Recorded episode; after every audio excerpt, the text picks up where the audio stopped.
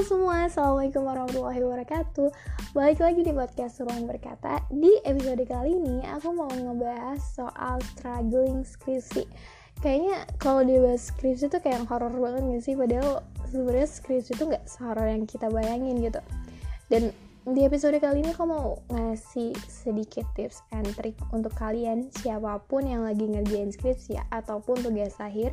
Karena banyak banget teman-teman aku yang nanya soal skripsi um, sebenarnya aku bukan mau ngebahas secara keseluruhannya sih karena uh, memang aku di sini juga masih belajar dan tidak ada maksud untuk menggurui sama sekali aku cuma pengen sharing sekaligus ngasih tips gimana caranya biar kita struggling untuk menghadapi yang namanya skripsi.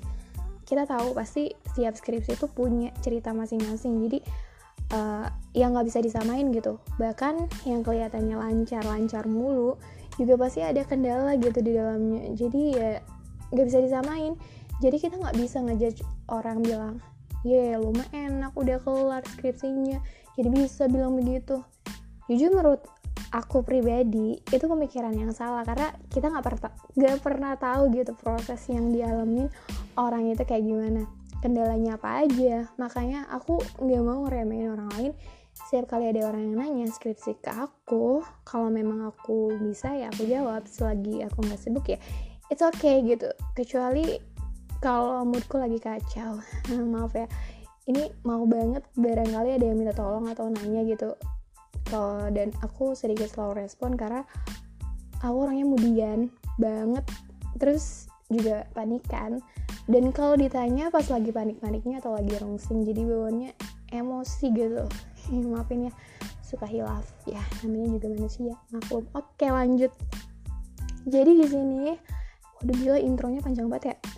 Jadi di sini aku mau ngasih beberapa tips tips lagi tipe mulu deh. Jadi di sini aku mau ngasih beberapa tips ngerjain skripsi. Aku nggak akan bahas soal teori-teorinya secara mendalam karena aku bukan ahli aku juga bukan dosen dan aku rasa masing-masing universitas udah ngasih buku panduan masing-masing gitu. Dan biasanya beda-beda ketentuan atau sistematikanya. Jadi aku mau ngebahas secara umum ini lebih ke teknis pengerjaannya sih atau lebih ke praktiknya. Karena karena ya percuma gitu. Kita ada buku panduan referensi lengkap soal semua lengkap tapi kita salah kaprah kalau pas di praktiknya. Karena justru hal-hal kecil yang dia nggak sepele ini justru punya efek negatif yang cukup besar tanpa kita sadari. Oke jadi ini adalah beberapa tips dariku. Semoga bermanfaat. Oke yang pertama perdalam dulu teori baru tentuin judul ini basic banget nih sebenarnya. Tahap awal dari ngerjain skripsi kebanyakan dari kita pusing di judul mikirin aduh judulnya apa ya? Aduh apa ya yang baru? Aduh apa ya? Dan begitu kita udah dapet judul kita pusing lagi tuh nyari-nyari teori yang sesuai sama judul kita. Nah seharusnya tahap awal ini bukan cari judul tapi kita pahamin dulu teori-teorinya. Kalian baca deh beberapa referensi teori uh, di kampus kalian kalau kayak di jurusan aku itu ada tentang teori komunikasi. Itu banyak banget sih ya kalian nggak perlu baca semuanya uh, beberapa aja.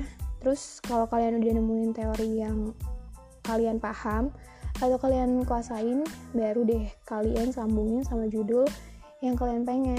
Itu akan lebih mudah ketimbang kalian nentuin judul terlebih dahulu karena banyak banget kasus-kasus teman-teman aku yang udah sempro eh tiba-tiba disuruh ganti teori. Karena kurang menguasai teori kan repot tuh jadinya. Jadi tips yang pertama pahamin dulu teori baru kemudian cari judul yang cocok. Yang kedua cek and recheck tempat penelitian dan narasumber penelitian kalian. Begitu kalian udah nemu judul yang seret dan udah nguasain teori langkah kedua yang harus kalian lakuin jangan dulu kalian ajuin itu judul ke pembimbing, tapi kalian cek and recheck dulu. Subjek dan objek penelitian kalian itu mm, memungkinkan enggak gitu aksesnya. Jangan sampai kita udah di SSC sama pembimbing, udah jalan nih skripsinya, udah ngerjain sampai bab 3, eh tahu-tahu ternyata tempat penelitiannya pindah atau uh, nggak menerima untuk dijadiin bahan penelitian itu kasus aku alamin sendiri sih sebenarnya. Jadi waktu itu aku mau ngambil penelitian aku tentang komunitas uh, yang suka ngajarin anak-anak jalanan belajar gitu loh. Dan begitu aku hubungi begitu aku hubungi ketuanya untuk minta izin ternyata mereka nggak menerima untuk penelitian. Tapi untungnya waktu itu aku belum nyerahin judul ini ke pembimbing.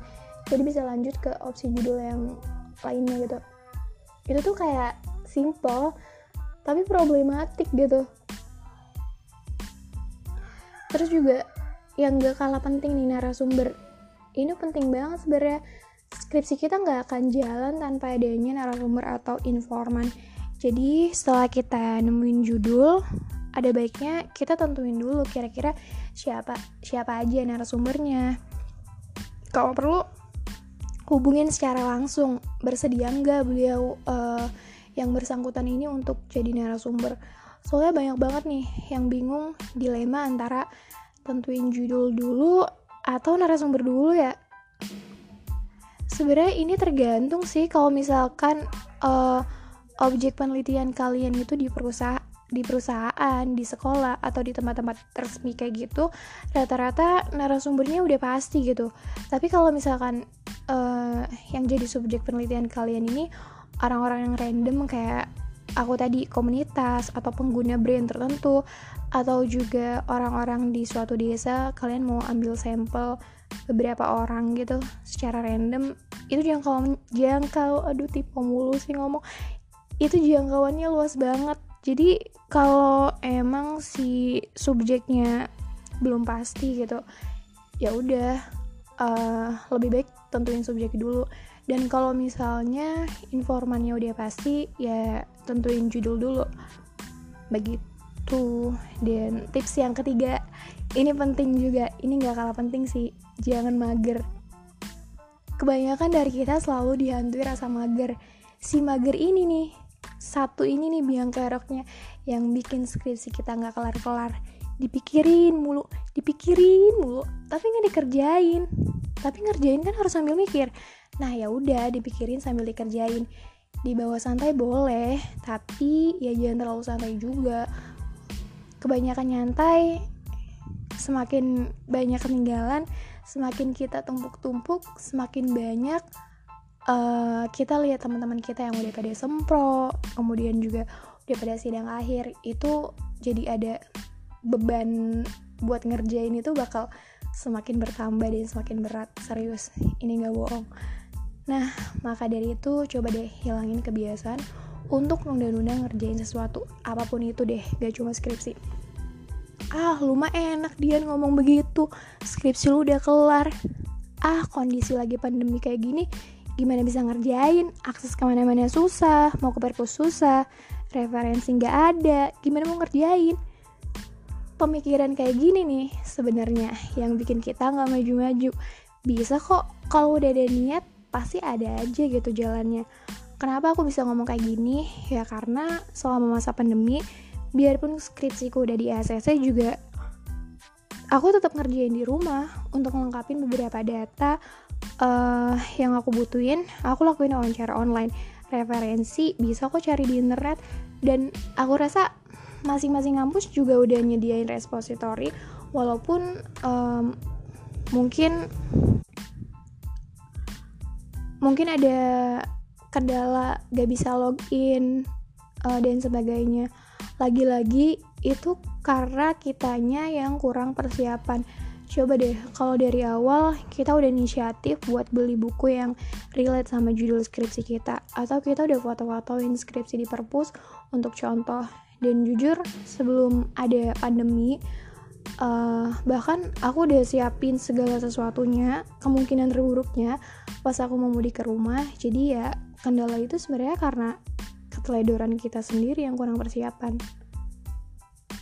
Tips yang keempat, konsisten ngerjain skripsi tiap hari. Mungkin ini agak agak berat sih sebenarnya nggak nggak harus setiap hari juga. Yang penting konsisten seminggu sekali gitu berapa kali seka, berapa kali sehari. Tapi sedikit saran dari aku kalau bisa coba deh kalian usahain tiap hari ngerjain. Mau ngerjain cuma dapat tiga paragraf ke lima paragraf ke gak masalah. Yang penting ngerjain. Hey kapan kelarnya kalau sehari cuma lima paragraf ya daripada lu gak ngerjain sama sekali sehari lima paragraf seminggu bisa lo jadi lima halaman atau bahkan lebih. Terus gak berasa deh eh iya ya udah persekian halaman aja. Padahal ngerjainnya gak serius-serius amat. Sambil ngemil, sambil nonton drakor, sambil nyanyi-nyanyi aja bisa. Apalagi kalau ngerjainnya serius. Nah itu dia tips-tips dari aku mau banget kalau durasinya kepanjangan dan makasih banget buat yang udah mau dengerin sampai habis. Semoga bermanfaat. Wassalamualaikum warahmatullahi wabarakatuh. Semangat